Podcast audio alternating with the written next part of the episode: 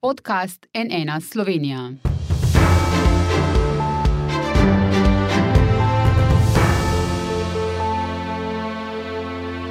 Dan, to je NN studio. Osmi dan vojne v Ukrajini so Rusi zauzeli prvo večje mesto Herson, kjer primankuje zdravil in hrane, vse bliže so tudi Kijevu. Za danes je napovedan drugi krok pogajanj ruske in ukrajinske strani. Kako vidijo odziv Zahoda, tudi Slovenije, kako vidijo posledice največje nevarnosti za mir in stabilnost na evropskih tleh po drugi svetovni vojni, bomo vprašali današnje goste. Z nami so Branko Grims, SDS, Tanja Fajon, SD, Marjan Šarec, LMŠ in Jožef Horvat, Nova Slovenija. Dobr dan, vsem pozdravljeni. Dobar dan. Če začneva midva, gospod Tanja Fajon, glede na trenutne razmere v Ukrajini, kjer Rusi v bistvu stopnjujejo agresijo, vse bolj pritiskajo. In tudi glede na nekatera pričakovanja, da bi moral Zahod še bolj posredovati v tej vojni, kaj naj torej še storijo države Evropske unije in zveze NATO, s tem tudi Slovenija, ki za zdaj uvajajo ekonomske sankcije proti Rusiji, Ukrajino pa pošiljajo orožje, humanitarno pomoč in sprejemajo begunce. Kaj še? Največji zločin je nasilje nad civilisti, obžalujem trpljenje ljudi. Um, Putin krši mednarodno pravo, je agresor. Vrnila sem se iz Bruslja, v Evropskem parlamentu sem prepogosto slišala tudi besedo, da je vojni zločinec, ki bo odgovarjal pred kazenskim sodiščem.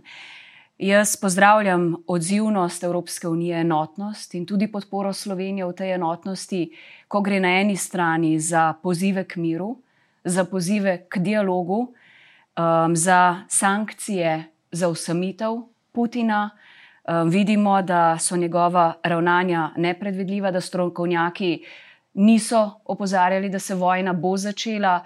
Torej, tudi to rožljanje, grožnje z jedrskim orožjem je resna skrb za vse nas. Tu potrebujemo usklajeno akcijo v Sloveniji, usklajeno akcijo v Evropi.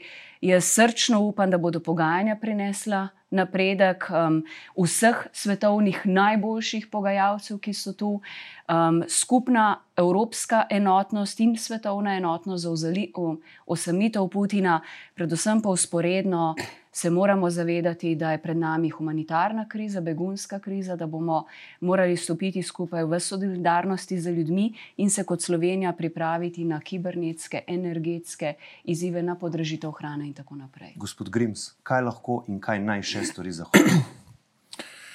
Eh, v enem tednu se je spremenilo veliko.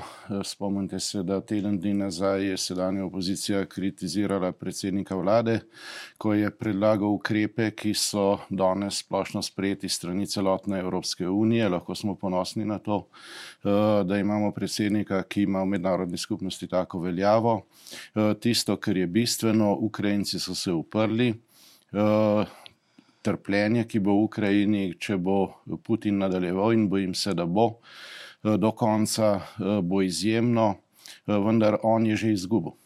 Tisti trenutek, ko se je postavila Ukrajina na noge, tisti trenutek, ko se je 80 tisoč Ukrajincev vrnilo za to, da se bori v svoji domovini, pač je Rusija izgubila. Zahod mora nadaljevati s sankcijami, Zahod mora nadaljevati s pomočjo, vsestransko pomočjo Ukrajini eh, in seveda poskrbeti za to, da se vzpostavi nazaj eh, ravnotežje, da se vzpostavi nazaj mir, eh, da se vzpostavi nazaj mednarodno pravo, ki ga je Putin s agresijo Rusije na Ukrajino tako grobo kršil. Lahko samo vse izrečemo, vse priznanje Ukrajini, da se je uprla in seveda jim zaželimo, da pač se ta zgodba čim prej konča in da se pač iz mednarodne skupnosti prejme vso tisto pomoč, ki bo potrebna, da se Ukrajina potem ponovno postavi na noge. To je naša skupna naloga, zato je tudi predlog predsednika slovenske vlade, da Ukrajina postane eh, del Evropske unije. Je pa predsednik vlade tudi predlagal, kar ste že omenili, da naj zveza NATO zapre zračni prostor nad Ukrajino, kar bi po ocenah generalnega sekretarja NATO eh, Stoltenberga, pa tudi zahodnih voditeljev, ameriškega predsednika Bidna, eh, britanskega premija Johnsona, dejansko pomenilo neposreden spopad. NATO in Rusije, česar pa da ni v načrtu, po njihovih besedah. Eh, je pa res, da k zaprtju zračnega prostora strani NATO vedno bolj poziva tudi ukrajinski predsednik Zelenski, ki meni, da pa to ne bi pomenilo eh, spopada NATO-Rusija. Vaše mnenje, gospod Čarec? No, najprej moram povedati, da sam nisem zasledil nekega nasprotovanja opozicije, katerikoli reakciji Slovenije. Mislim, da smo vse stranke enotne v tem. Tako sem povedal tudi na snavu zadnjič, ko je bil v soboto. In dejansko obtoževanje opozicije za karkoli tukaj ni na mestu. Kar se tiče, se pravi, čujem vašega vprašanja glede zaprtja eh, zračnega prostora Ukrajine strani NATO. Ja, to pomeni vojno napoved, to pomeni, da bi NATO se streljil vsako rusko letalo, ki eh, pride nad Ukrajino. Moram pa poudariti pri tem, da je Slovenija del Evropske unije in zveze NATO in naloga Slovenije je eh, usklajeno delovati s tema dvema organizacijami. organizacijama.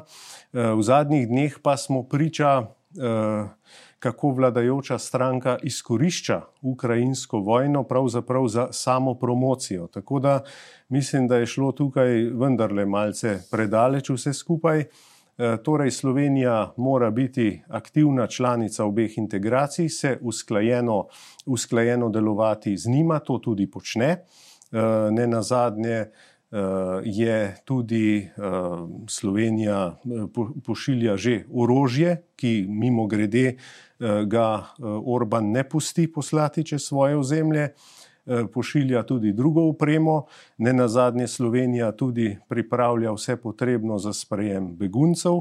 Skratka, Slovenija deluje v tej smeri in tudi vse stranke, tako Eh, tudi opozicijske, nismo nikoli nasprotovali temu.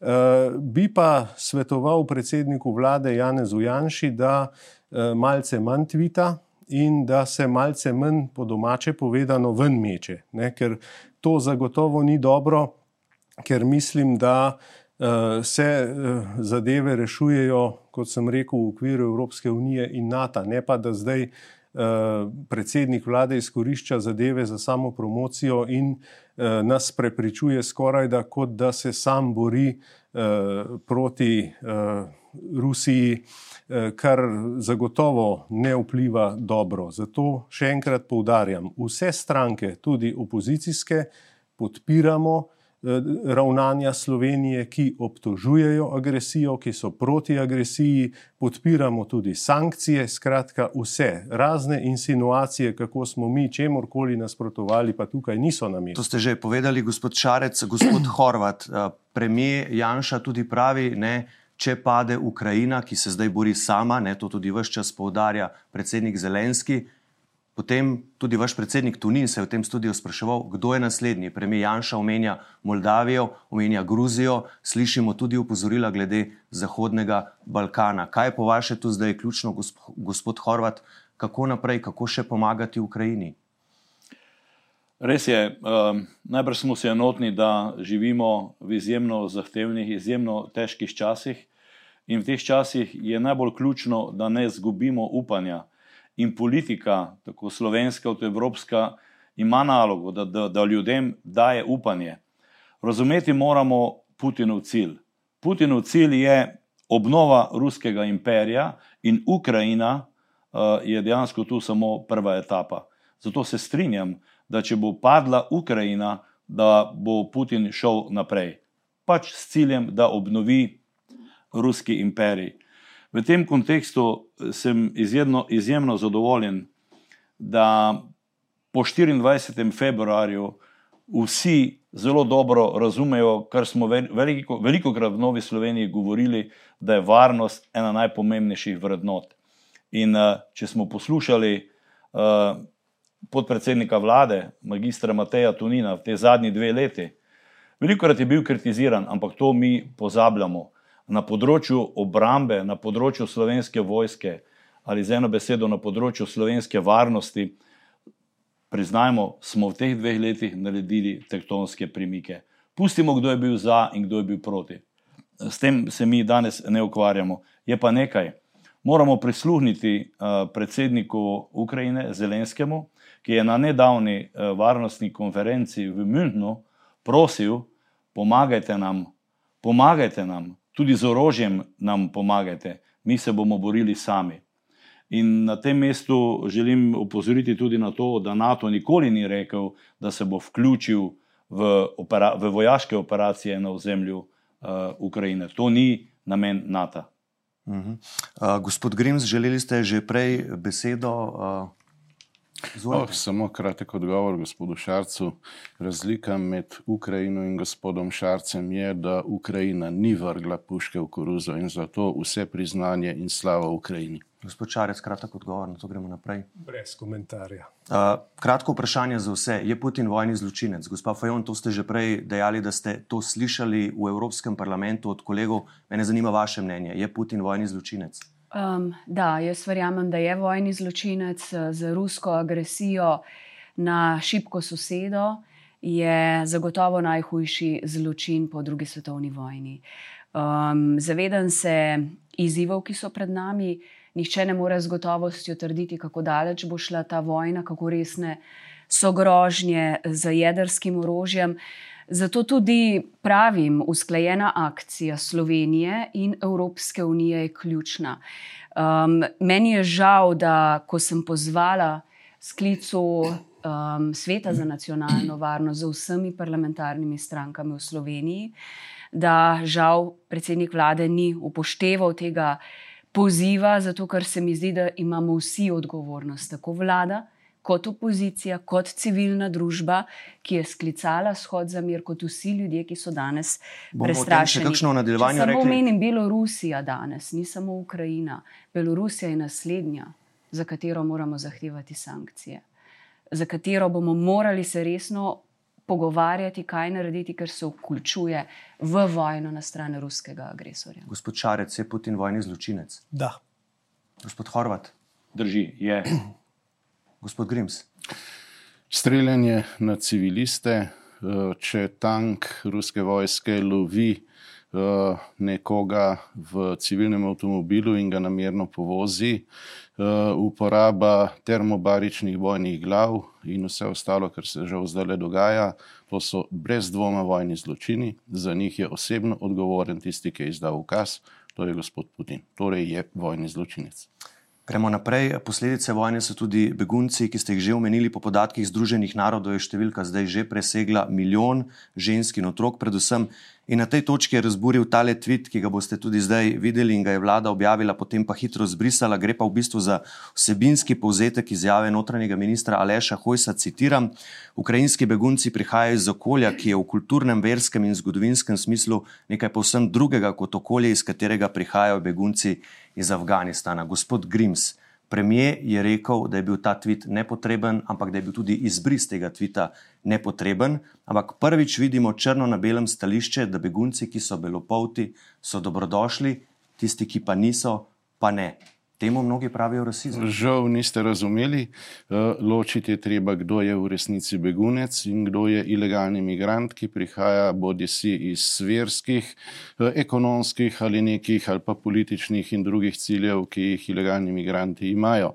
Eh, in v tem primeru, že takrat, ko je šlo za masovni prihod beguncev iz področja radikalnega islama, ki v resnici niso begunci, to so moški, za boj sposobni moški, zdaj pa prihajajo pravi begunci, sem takrat opozarjal, kaj so pravi begunci. To so ženske, otroci, starejši, tisti, ki dejansko rešujejo svoje življenja.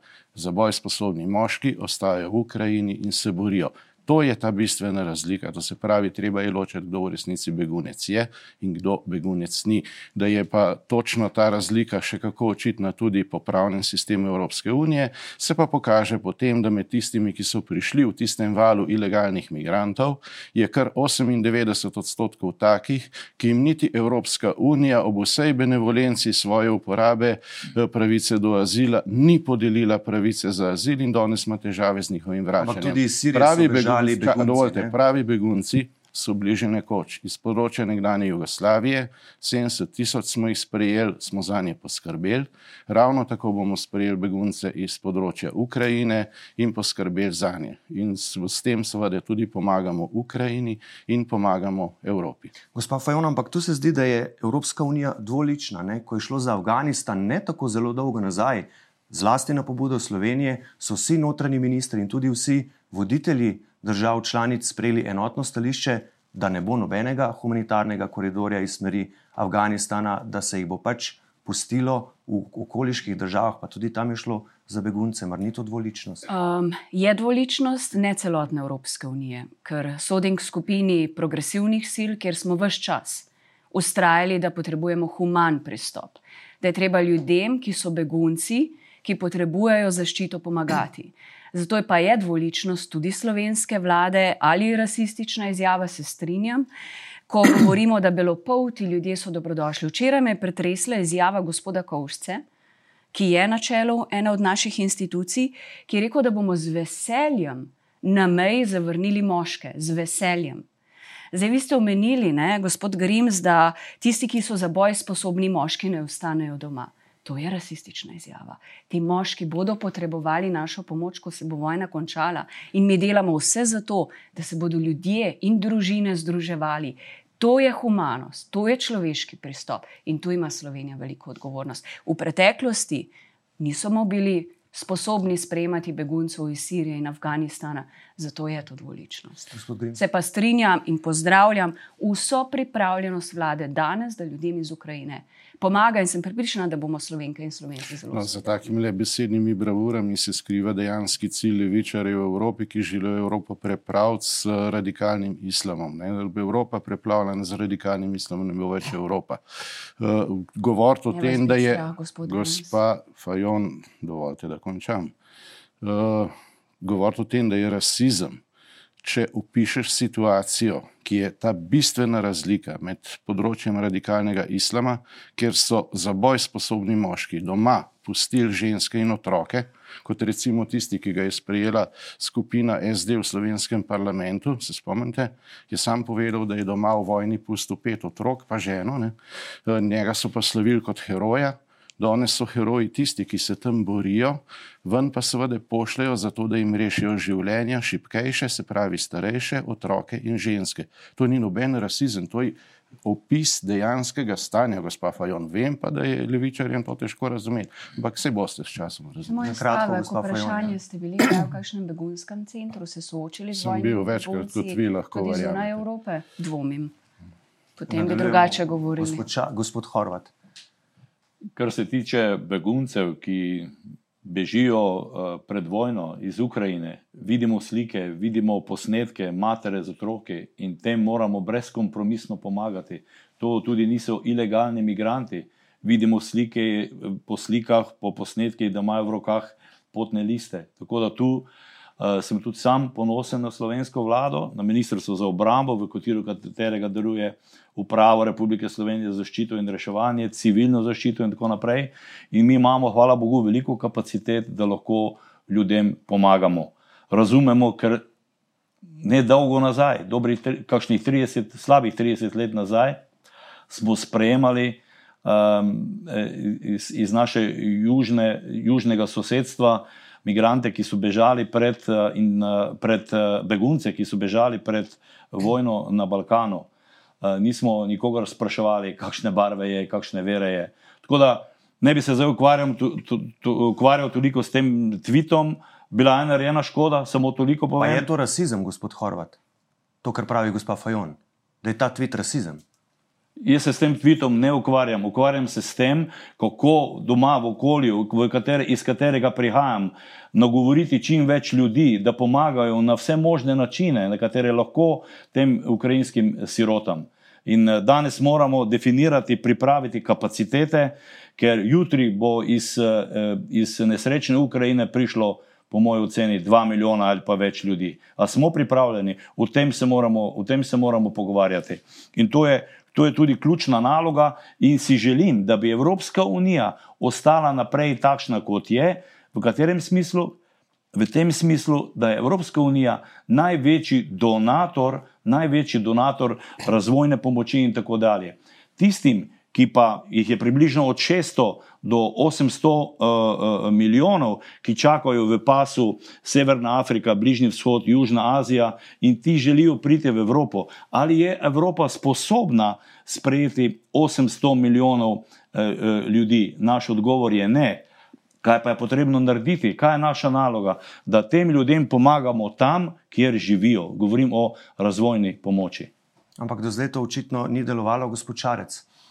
Ja, že sam izbris tvita pove, da ne morejo stati za temi besedami in da tukaj gre za uh, obliko rasizma in da to tvita slovenska vlada je še toliko bolj pomenljivo. Ne vem, mogoče so pa dobili iz Evrope kakšno sugestijo, da to vendarle ni evropsko v, v tem času, uh, ki ga živimo in kdo smo mi tukaj v svojih uh, varnih domovih da bomo sodili, kdo je pravi begunec in kdo ni pravi begunec. Jaz sem prepričan, da nikogar na svetu ni, ki bi rad zapustil svoje domače ognišče, šel po svetu v negotovo prihodnost, v mraz, v sneg, eh, brez hrane, eh, kakorkoli. Seveda so tudi eh, med ilegalnimi imigranti zagotovo bili tudi ljudje, ki so imeli drugačne namene. Tega ne moremo zanikati, ker, smo, ker je to človeški faktor. Vendar, da bomo mi tukaj v, v varnem zavetju sodili, kdo sme in kdo ne sme na pot zaradi takšnih in drugačnih razlogov, je pa zadnja stvar na svetu. Je pa zvočarec vlada umaknili ograjo na meji, če boste v naslednji vladi. Ne v času, ko ste vi vodili vlado, ste kupovali nove, nove kilometre. Ja, mi ne? smo se zavezali, da bomo umaknili rezilno žico na meji. Eh, ograje pa ne. Re, rezilna žica je nehumana zadeva in nima kaj iskati v 21. stoletju. Uh, ograja je bila že uh, postavljena, ko smo mi uh, prevzeli vlado, Tako da zagotovo je to vprašanje, ki ga bo treba tudi v prihodnje reševati. Je pa res, eh, da še enkrat poudarjam, da eh, ločevati ljudi na, na prave in neprave, pa v današnjem svetu, mislim, da nima mesta. Včasih se zdi, kot da človek ni človek. Gospa Fajon, tudi za vas enako vprašanje, umik ograje na meji. Sem že večkrat povedala, da si želim in da bom delala na tem, da ograjo čim prej omaknemo. Uh, ker se mi zdi, da toliko denarja, kot smo investirali v ograje v Evropi, če bi vsaj del tega denarja investirali v pomoč ljudem, bi bistveno hitreje dosegli namen, ko se ukvarjamo z izzivi migracij in z upravljanjem migracij. Mi smo praktično zgradili trdnjavo Evrope.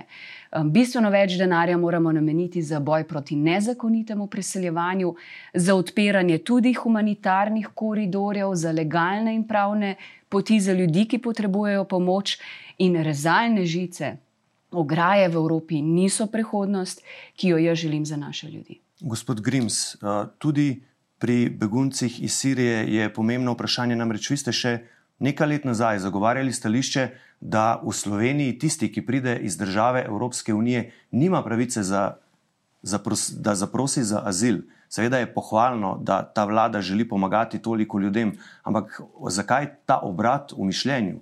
Ja, najprej Ukrajina, če niste opazili, ni članica Evropske unije. Zdaj smo predlagali, oziroma. Ne, ne, vi ste rekli, da če pridejo iz države Evropske unije v Slovenijo, potem nimajo pravice zaprositi za azil. To so vaše besede, lahko jim jih tudi Sveda, preberem. Zaradi tega, ker je treba spoštovati mednarodne sporazume. Se, zakaj je bila cela kolobocija z ilegalnimi imigranti? Ker se je nekdo v Evropski uniji vzel pravico in je suspendiral Dublinski sporazum in še cel kup drugih uh, aktov, ki urejajo to področje. In zelo zanimivo je bilo zdaj poslušati to razumevanje pravnega reda. Ne, ne, ne ločujemo. Ja, čakajte, pravo ločuje o tem, kdo ima pravico do azila, katere so tiste okoliščine, ki so posebne, nekdo rešuje svojo osebno integriteto, svoje življenje, svoje zdravje, tisti ima pravico do azila. In seveda, pravico do azila, če greste gledati akte, ko so jih sprejemali v izvornem besedilu in razprave, ki so bile takrat, boste videli, da pravica do azila je v delu iste države, če je ta varen, ali v prvi sosednji varni državi. In to če pa se gre, a dovolite, če se pa gre naprej, se pa je pa temu reče uh, azilni marketing. Ne? In to se je do nedavna celo kazensko preganjalo v Evropski uniji. Potem se je pa to iznenada vse obrnilo na glavo in se je reklo, zdaj pa lahko kar vsi pridejo in ne vem kaj. Tisti geniji, ki so to počeli neodgovorno do konca, ne, bi lahko pogledali, kakšna je velikost Evrope in kakšna je velikost teh držav. Ne more kar vsakdo zlorabljati uh, pravico Kaj ti gre v resnici za zlorabe ne, evropske zakonodaje in zahtevati, da kar sem pride in se mu vse da, ker je Evropa enostavno premehna. Ne. Zaradi tega je seveda prvo in osnovno treba spoštovati pravilo, ki ga je mnogokrat omenil Ronald Reagan. Ne. Obstaja samo tista država in tista mednarodna skupnost, ki brani svoje zunanje meje. Iz tega razloga je bila tudi ograja zelo pomembna. Zakaj? Ker je dala jasen signal, da tisti, ki sami vedo, da v resnici niso upravičeni do azila, eh, da jim daš signal, da pač niso zaželjeni, da ni se usmerijo drugam. Zato za preventivo je v resnici bilo, ker vsi nadaljni ukrepi so ostrejši. Ko pa gremo za prave begunce, kot so bili recimo nekoč iz področja nekdanje Jugoslavije ali zdaj iz Ukrajine, oni pa eh, ne pridejo na ograjo, oni pridejo naravnost na mejni prehod in prosijo za azil, ker so pošteni, ker vedo, da imajo to pravico in ker seveda jih tudi mi z veseljem sprememo. Malo jih zaprosi za azil v prvih državah, tako če zmejo tudi v Romuniji, se to dogaja, gospod Horvat, še vi potem gremo naprej. Ja, glede um, umika ograje. Nova Slovenija ni ograje postavila, Ta ograja ni samo na slovensko-hrvaški meji, ta ograja je na šengenski meji. In ta migranski val, uh, pretežno ilegalnih migrantov, uh, je vseboval marsikoga, kot je že povedal gospod Šarec. Um, mislim, da mi moramo um, tukaj prejti na neko realno politiko, uh, dovolj je politike s cvetjem v laseh, ta ne prinaša nobenih rezultatov.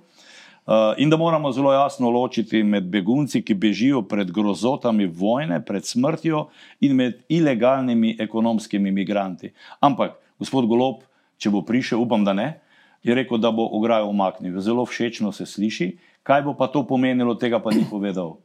Tukaj vsi za tem omizjem pa najbrž vemo, da bo potem nastala ograja, ki jo bodo postavili recimo Avstrijci na avstrijsko-slovenski meji, in italijani na italijansko-slovenski meji, in mačari na mačarsko-slovenski meji. Kaj, bo, kaj se bo pa zgodilo s Slovenijo? Slovenija bo pa postala emigranski žep in tega ne bomo zdržali. Uh, na drugi strani pa moramo zdaj, upam, da že, že 24. februarja se je začela brutalna vojna. Upam, da razumemo vsi, kaj, kakšno, kakšno pravilo razume gospod Putin. Samo eno pravilo in to je pravilo moči, nič drugega. Nobene demokracije, nobenega mednarodnega prava, samo pravilo moči. Gospod Horvat, tudi v Siriji je vojna, tudi v Afganistanu je vojna, tam so tudi prihajali begunci, drži. Drži. Dobro, gremo naprej. Eh, če se dotaknemo še ekonomskih posledic, gospod Šarec, cene energentov, cene hrane letijo v nebo. Evropska unija 44 odstotkov plina in 25 odstotkov nafte uvozi iz Rusije, Slovenija, kar se tiče plina, skoraj 100 odstotkov, zelo blizu smo tej številki premog, recimo je še včeraj, samo včeraj gor za 32 odstotkov in je na rekordni zgodovinski ravni. Moje vprašanje je, kaj mora narediti Slovenija in kaj lahko naredi sama za blaženje ekonomskih posledic te vojne. Ja, Slovenija je, kot sem že prej povedal, del Evropske unije in ti ukrepi morajo biti čim bolj usklajeni.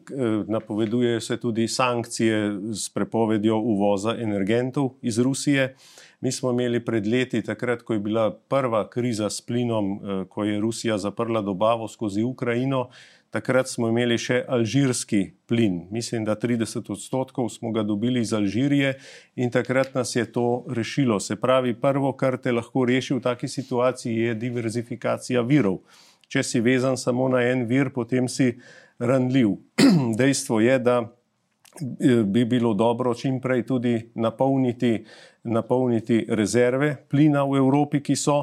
Eh, to je kratkoročno, eh, potem dolgoročen ukrep je pa zagotovo prehod na druge energente. Eh, vemo, da zdaj se težko spet pogovarjamo o tem, kako jedrske energije ne bi na, noben način, ker mi kot Slovenija, naša naloga je, da smo energijsko samooskrbni oziroma neodvisni. To, to je edina dolgoročna prava pot in tukaj se moramo pogovarjati tudi Eh, o zelenem prehodu, moramo vedeti, da ti problemi niso izginili iz mize, zdaj z vojno v Ukrajini. In uh, potrebno bo dolgoročno tudi termoelektrarne zapirati. To pa pomeni, da bomo morali se pogovarjati tudi o jedrski energiji, seveda široko uh, razpravo. Ampak to je še kar veliko časa, ja, govorim, da tudi dolgoročno. Kratkoročne, ja, kratkoročno.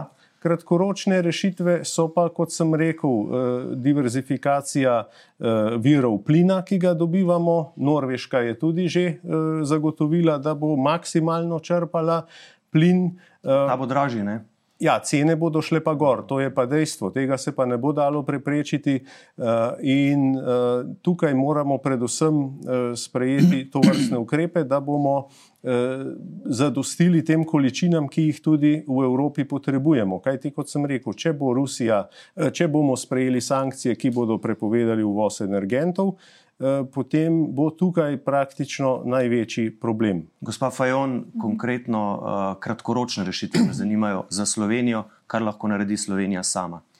Za Evropa za naslednjih 6-5 tednov zime ima dovolj energentov za preskrbo. To je zagotovilo Evropske komisije. Um, hkrati je institucije pospešeno uh, um, se gradijo terminali, Norveška je bila omenjena, um, iščejo se različne povezave za diversifikacijo energentov. Mi si ne smemo dovoliti, da smo odvisni od nekoga, ki nas ogroža in ne moremo več računati na plin iz Rusije. Um, tudi strateške naložbe v obnovljive vire, v vodik, na vsem tem Evropska unija dela, zdaj bo morala še pospešeno povečevati investicije. Seveda se to ne bo zgodilo čez noč in tu bo treba pomagati gospodarstvu, cene energentov bodo šle gor, cene hrane bodo šle gor in pa seveda ljudem. Um, v Sloveniji Kako? pa potrebujemo resen strateški, finančni in strokovni razmislek. Kako bomo zagotovili to energetsko samozadostnost? Vemo, da deset let nazaj smo nasprotovali izgradnji terminala na slovenski obali, če bi danes dosegli soglasje zaradi terorizma. Zdaj, zdaj, zdaj Če danes dosežemo soglasje, je to lahko šele čez deset let. Imamo krkotok, kjer je možnost diverzifikacijo, da bomo dobili to preskrbo od druge. In predvsem, še enkrat, tu se moramo dogovarjati usklajeno. Katere potem predlagate ukrepe? So to, to LNG terminali, plinski terminali? Ampak to ne bo čez noč, če me sprašujete o kratkoročnih. Moramo najprej doseči soglasje. Čez noč bomo pa morali iz drugih verov, ki bodo prihajali ali iz Norveške ali iz drugih kanalov, ki jih danes vzpostavljajo države, dobivati energente. In plačevati več. Gospodčare, želeli ste na kratko? Ja, pri terminalu samo upozarjam, da je ravno danes uh, bilo, da lokalne skupnosti nasprotujejo temu terminalu. Tako da uh -huh. uh, skupaj z nekaterimi poslanci tudi, tako da uh, na, to, na ta terminal uh, v našem primorju lahko mislim, da pozabimo. Gospod Grims. No, če kaj je ta vojna Eh, omogočila, da se o nekaterih stvarih začenjamo vsaj resno pogovarjati. Tudi eh, podobno kot je s vprašanjem migrantov in beguncev. Ne. Če samo za hip, pogledajte, če gospod Golop in gospa Fajon napovedujeta, da boste odstranila ograjo, to samo pomeni v praksi, da hočete preplaviti Slovenijo s migranti z področja radikalnega islama. Ampak lahko kar dovolj ročnih ukrepov. Za prave, za prave begunce ta ograja sploh ni pomembna, ker pridejo na meni prehod. Podobno je s vprašanjem teh energetov energentov. Eh, zdaj se bo treba resno vprašati, kdo si je plačeval vsa tista razna gibanja, ki so dosegla, recimo, da se zapirajo jedrski reaktori v Nemčiji, zato pa je vsa Evropa postala eh, pač odvisna od ruskega plina in s tem problemom se zdaj srečuje Evropa in srečuje se tudi Slovenija. Eh, edini ukrep, ki je v tem trenutku možen, je seveda, da se obrnemo na sosedno Hrvaško in to vlada že dela in da se preko Krka, kjer je že en terminal, omogoči dotok plina. Uh, govoriti o tem, da je to stvar deset let, gospa Fajon, morda včasih vaše vlade, ampak naša vlada je v dveh dneh uspela sprostiti račune Sberbanke, kar je fantastičen dosežek uh, in bo uspela tudi sprostiti uh, dobavo plina. Uh, bo pa potrebno pri tem resno se pogovoriti, da so nekatere stvari, uh, kjer pač ni mogoče, uh, da bi ne vem, neka uh, nevladna organizacija blokirala en projekt, ki je življenjskega pomena za Slovenijo in v perspektivi bo zelo verjetno treba pristopiti k izgradni in to hitri izgradni s posebnim zakonom novega terminala eh, na območju Kopra, tako da potem ne bomo več odvisni ne od dobre ali slabe volje sosedov, ne od eh, tega, kar se dogaja nekje na vzhodu, ampak da bomo odvisni sami od sebe. Danes je svet sak, da pač moraš biti odvisen sam od sebe, potem si močan, si samozavesten in imaš razvoj in blaginjo.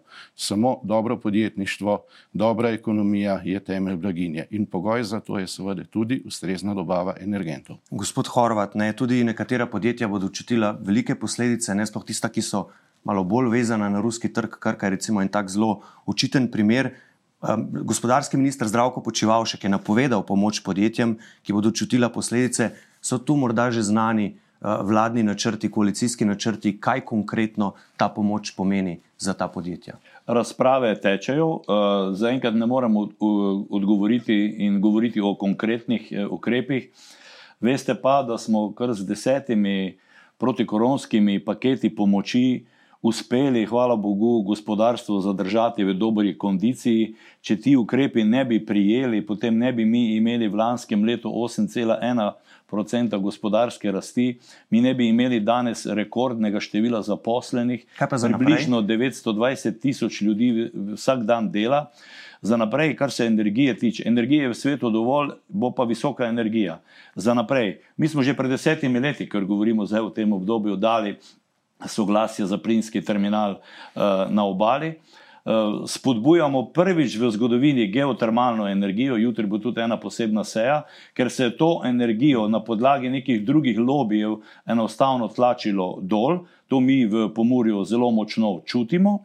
Uh, Seveda se strinjam, da bodo okoljevarstvene organizacije dejansko tu pritiskale in ne dovolile, tako kot recimo pri veternih elektrarnah, ampak sonce ni rešitev, čeprav sem jo sam doma na strehi inštaliral, da dajem tudi nek zeleni vzgled, če hočete. Um, ampak koliko pa imamo uh, sončnih elektrarn, kakšna je moč? 2% energije na letni ravni dobimo. Torej, vesel sem, če dovolite, vesel sem, da je lani v času našega predsedovanja Svetu Evropske unije uh, naš minister, minister za energijo, če hočete, gospod Jarni Vrtovec, dejansko sklical Evropski energetski vrh, kjer se je govorilo prvič o pomoči ljudem in gospodarstvu zaradi dviga cen energentov, in drugič o jedrski energiji, o taksonomiji, da bi se naj pač jedrska energija na nek način uvrstila tudi v, se, na seznam uh, tako imenovane zelene energije. Veste, ta zelena energetska schizofrenija nas zdaj zelo po glavi toče in moramo se zresniti. Skrajni čas je. Eno hitro vprašanje za vse, pa bo kar mi da začela gospod Horvat, za koliko se bo življenje podražilo za vse nas v tem času, zaradi vsega tega, kar se dogaja, hrana, osnovne potrebščine, vaša prognoza, za koliko? Kaj to je zelo težko ocenjevati. Če bi bil vedeš, ne bi bil revež, kot pravijo. Um, mislim pa, da bo, da bo da bo šla tam ocena dviga cen srednjeročno, vem, kot rečeno, zelo nehvaležno za 10%. Uhum, gospod Čarec? Ja, mi imamo že v tem trenutku 6,2 odstotno inflacijo, ne, tako da spet je gospod Horvat seveda povedal o visoki gospodarski rasti, ampak tudi inflacija je zelo velika. Ne. Seveda ne bom trdil, da je to samo slovenski pojav. Eh, cene so šle v nebo, eh, zlasti taki, taka stanja, kot jih imamo danes. Najprej je bil COVID, zdaj je ta vojna. In uh, mislim, da 10 odstotkov je kar za pričakovati, zagotovo. Gospa Fajon? Um, ne upam si napovedati, zagotovo je potrebna ena resna analiza, ampak je to vse neprevedljivo zaradi same vojne v Ukrajini, ker ne vemo danes razsežnosti. Bi pa vseeno, če dovolite, opozorila, prej smo govorili, Putin je zločinec, ampak kaj je pripeljalo do teh razmer? In to ne smemo pozabiti tudi danes. Mene veseli, da smo vsi tu za tem omizjem braniki demokracije in mednarodnega prava. Ampak Putin je tudi avtokrat. Putin je pod kontrolo spravil medije, skregal se s civilno družbo, um, omejuje svobodo ljudem. In ta pot desetletja je vodila danes v to, da ga obsojamo, da je sprožil rusko agresijo. Še vaša ocena, gospod Grims, kako draže bomo živeli? Zdaj Evropa ima en problem, na katerega sem prvi dan opozoril na blogu, ko sem napisal komentar. To pa je, da so institucije in politika Evropske unije prepojene s kulturnim marksizmom. Ki dela Evropo šipkejšo in zaradi katere je podjetništvo bolj ranljivo in manj učinkovito, kot bi lahko bilo. In vsem tem se bo treba začeti odkrito eh, pogovarjati in razstrupiti Evropsko unijo, kajti zaradi tega v tem trenutku ena od oblik kulturnega marksizma je tudi tako imenovani ekofašizem, ne, se dela neumnosti, se meče stotine milijard skozi okno, hkrati pa se dela Evropo bolj ranljivo, kot bi sicer bila.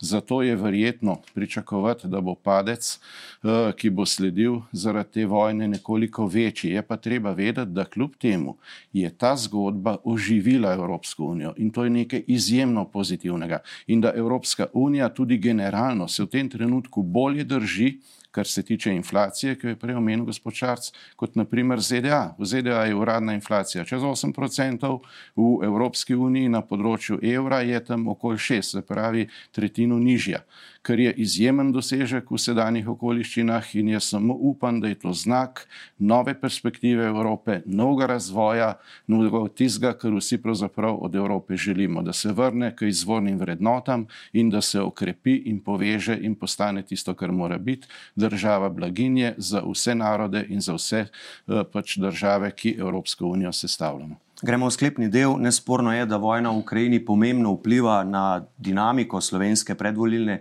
tekme uh, opozicija očita premijeju Janezu Janši, to ste tudi vi prej rekli, gospod Čarec, ne, da zlorablja to vojno za predvolilno promocijo.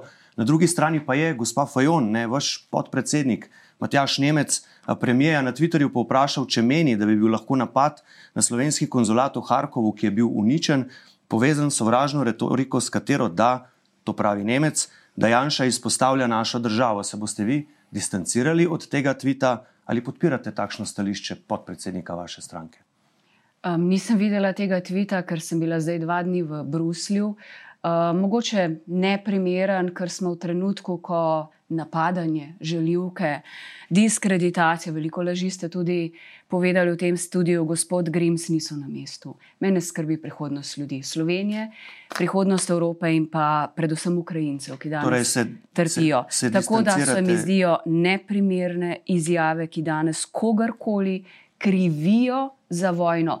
Bi pa potegnila paralelo med avtokrati, ki so tudi v Evropi, med zavezništvi, kot je Orban s Putinom in kot je tudi ne nazadnje naš predsednik vlade smo, z Orbanom. To pa so rušitelji tudi evropskih vrednot. Smo razumeli, da se od tega tvita distancirate, gospod Horvat, gospod Grims. Oba sta bila včeraj na shodu v podporo Ukrajini na kongresnem trgu in tudi zato, kako je bil ta shod videti, kot govorci so na njem nastopili predsedniki koalicijskih strank, eh, dogajanje je vodila poslanka SDS.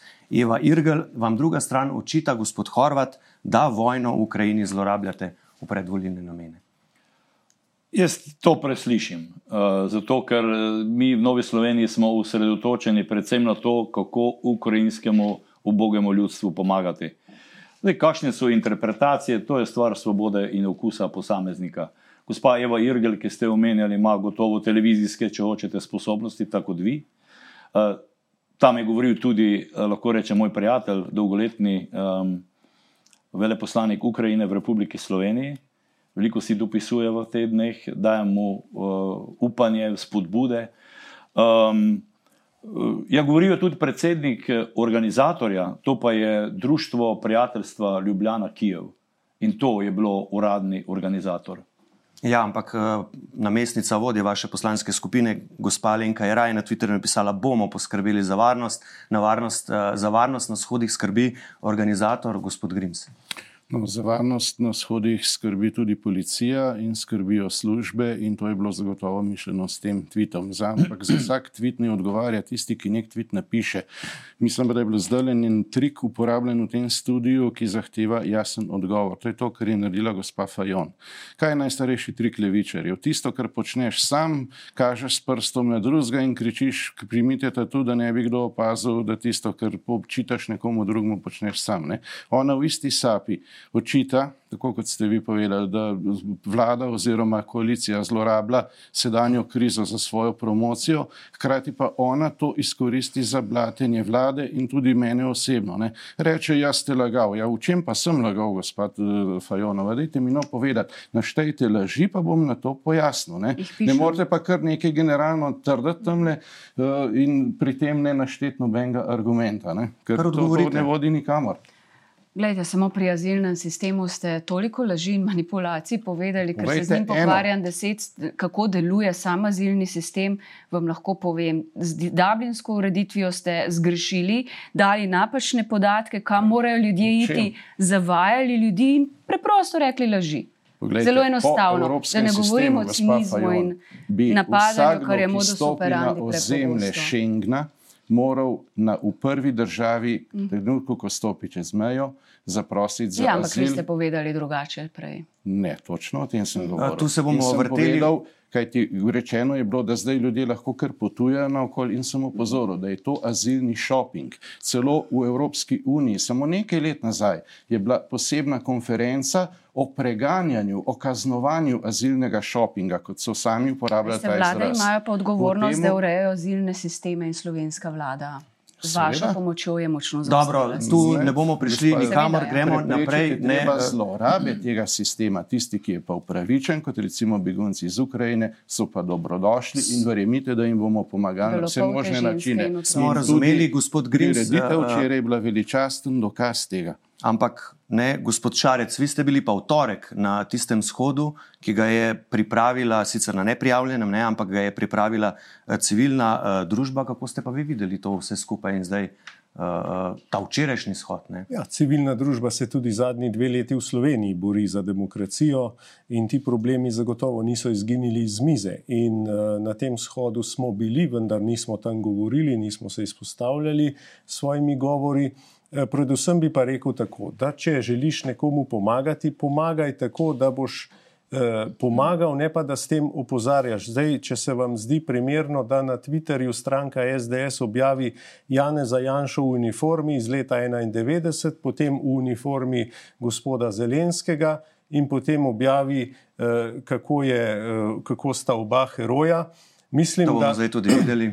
Ja, mislim, da to ni prava pot pomoči, da sebe lepiš zraven. Ne? Pomagaj človeku, če mu lahko pomagaš, če mu pa pomagaš tako, da pa uh, še sebe daješ uh, zraven in sebe v prvi plan. To je pa bolj uh, samo promocija, ne? tako bi rekel. In prava dobrodelnost je vedno skrita dobrodelnost. Tukaj pa vidimo, da se dobrodelnost oziroma želja pomagati Ukrajini, pač eh, kaže v luči predvoljivne kampanje in trkanje po prsih, češ mi smo to, mi smo to, mi smo ono, mi smo tretje. Eh, a veste, eh, mislim, da s takimi shodi, kjer se vladajoči zraven kažejo in slikajo, kako so oni zaslužni za to, da bodo rešili Ukrajino, mislim, da to je uh, včasih tudi že meji uh, na mejo dobrega okusa, in tukaj bi svetoval nekoliko drugačen pristop, ker vidimo, da tuji premijeji tega pač ne počnejo na tak način, zlasti se pa ne dajo v uniformah zraven in primerjajo z gospodom Zelenskim, o katerem so imeli dve leti prej zapovedati vse najslabše. Ja, da je ruski plačanec, gospod Grims, izvolite. Glede, izjemno veliko je paralel med vojno za Slovenijo, med našo osamosvojitveno vojno, med napadom JLA in tem, kar se danes dogaja v Ukrajini, kjer je prišlo do agresije uh, Rusov, uh, ki vidijo Ukrajino še vedno kot nek sestavni del Sovjetske zveze. Celo na prvih uh, teh konvojih so ponekod vihrale sovjetske zastave, ne, ker smo si lahko ogledali.